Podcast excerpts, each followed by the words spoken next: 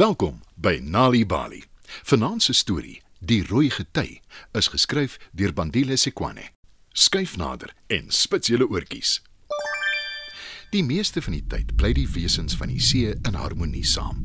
Maar soms, wanneer daar te veel rooi alge op die koraalrif is, gebruik hulle al die suurstof in die water op sodat daar nie genoeg in die water oor is vir die krewe om asem te haal nie. Om hulle kinders te red van die rooi gety, glo die raadgewers van die krewe. Dis 'n goeie plan om hulle uit te stuur op die land om daar rond te loop. Dis 'n groot fout, omdat krewe nie lank op land kan oorleef nie. Twee krewe, Lenet en Louis, weet dit. Daarom bedink hulle 'n plan. Lenet sê vir Louis: Wanneer die raadgewers ons wegstuur van die koraalrif af, sal ek blink skulpe die hele pad laat val sodat ons die skulpe kan volg en maklik ons pad terug kan kry sodra die raadgewers nie sien nie. En dit is toe presies wat Louis en Lenet doen. Die oomblik toe die raadgewers hulle alleen los, draai hulle om en begin die blink skulpe terug huis toe te volg. Maar 'n paar dae later probeer die raadgewers weer om die jong krewe weg te kry van die koraalrif af. Lenet het nie meer blink skulpe oor om langs die pad te strooi nie. Dus dink Louis aan 'n nuwe plan. Hy vra die jellyvis. Sal jy ons asseblief volg totdat die raadgewers ons na by die land los en ons dan teruglei huis toe? Ons kan jou lig volg. Jellyvis voel jammer vir die jong krewe en bring hulle veilig terug na die koraalrif toe. Die raadgewers is nie gelukkig daaroor nie. Een van hulle praat namens die ander. Hy roep die twee jong krewe en sê: Dis vir julle eie beswil om by die water uit te kruip. Op land sal julle veilig wees, want daar kan julle asemhaal. Nie een van die ander krewe wat tydens die rooi gety die koraalrif verlaat het, het ooit probeer terugkom nie. Hoekom bly julle dit doen? Maar die raadgewers dink nie daaraan dat die land net so gevaarlik is vir die krewe as die rooi gety nie. Dus probeer hulle die krewe vir 'n derde keer weg van die koraalrif aflei land toe. Die keer is dit besonder moeilik vir Lenet en Louis om 'n plan te bedink om hulle pad terug te kry na die koraalrif toe. Hulle het nie meer blink skulpe nie en die jellyvis het lankal weggedryf op die seegety. Alwaaraan hulle kan dink is om krummels krapdoppe te strooi en te hoop dat dit hulle sal help om weer hulle huis te kry. Maar ongelukkig eet garnale al die krummels op. Wat 'n heerlike happie en so onverwags. sê een van die garnale terwyl sy smil aan die krapdoppe. En al die ander garnale stem saam. Toe die twee jong krewe hulle pad probeer terugvind, is daar niks oor nie. Geen spoor om te volg nie. Ons sal nooit weer ons pad huis toe kry nie. sê Lenet hartseer. Wat maak ons nou? Wonder Louis bang. Die twee dwaal 'n hele ruk lank verlore op die seebodem. Hulle is baie honger en soek te vergeefs na kos.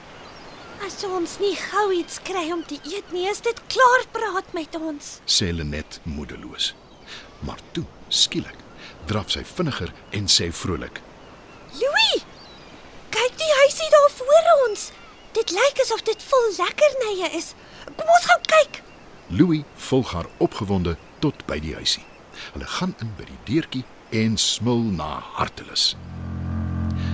Maar toe begin die huisie skielik beweeg. Die krewe skrik en probeer uitkom, maar die deur wil nie oopmaak van binne af nie. Help! Ons kan nie uitkom nie. Iemand help ons asseblief. Roep die twee benoud. Maar niemand kom om die krewe te bevry nie. Intussen kom hulle agter hoekom die huisie beweeg. 'n Eislike reus het dit opgetel en dra dit saam met hom. Louis wil weer om hulp begin roep, maar Lenet keer hom. Sst. Wag. Ek dink ek het 'n plan. sê sy. En net toe die reus die huisie uit die water wil lig, gryp sy hom aan sy groot duim met haar sterk knyper. Die reus gil van die pyn. Hy laat val die huisie en verdwyn. Die twee krewe sug verlig, Dankie Lenet. Jy het ons gered. Nou moet ons nog net uit die huisie probeer kom. sê Louis. Dis nie 'n huisie nie, Louis. Dis 'n strik om krewe te vang. Dis hoekom ons by die deur kon inkom, maar nie kon uitgaan nie. Maar as ons saamwerk, kan ons ons pad uit die ding kry. Antwoord Lenet. Die twee knaag en knyp totdat hulle vry is. Toe dwaal hulle weer rond op die seebodem en wonder wat hulle te doen staan, Ons sal 'n nuwe huis moet kry. sê Louis. 'n Plek waar daar genoeg kos en genoeg suurstof is vir almal. Beaam Lenet. En dis toe presies wat die twee doen. Hulle soek en hulle soek totdat hulle ander krewe ontmoet op 'n pad na 'n nuwe koraalrif toe. Louis en Lenet sluit by hulle aan en hulle kry die nuwe huis wat hulle so graag wil hê. En daar bly hulle saam met die ander krewe sonder vrees vir die rooi gety en raadgewers wat hulle probeer wegjaag of 'n reus wat hulle in 'n struik wil vang en opeet. Dit was nog 'n Nali Bali storie. Die rooi gety is geskryf deur Bandile Sekwane. Die storie is aangebied deur die Nali Bali Leesvergenot Veldtog in samewerking met Standard Bank en SABC Education. Mamma en haar dogter is saam met ouma in die kombuis. Mamma is besig om aandete te maak. Mamma, mamma, 'n storie asseblief. Die kind vra so mooi jy kan nie juis nee sê nie. Vertel haar hoekom die maan kleiner word, dan help ek so lank met die aandete. Sy hou baie van die storie. Nou goed. Lank lank gelede was daar 'n land waarin daar elke denkbare vrugteboom gegroei het. Maar daar was een vrug wat niemand nog ooit gesien of geproe het nie. Weet jy hoe 'n suurlemoen smaak? Ja, sis, baie suur. Dit maak nie saak hoe, waar of wanneer jy stories met jou kinders deel nie, solank almal dit geniet. Om saam te lees as gesin help kinders om beter te presteer op skool. Daar is gratis Nalibali stories beskikbaar in jou eie taal op ons webwerf www.nalibali.org. Of stuur die woord stories per WhatsApp na 0600 44 2254. Nali Bali. Dit begin met 'n storie.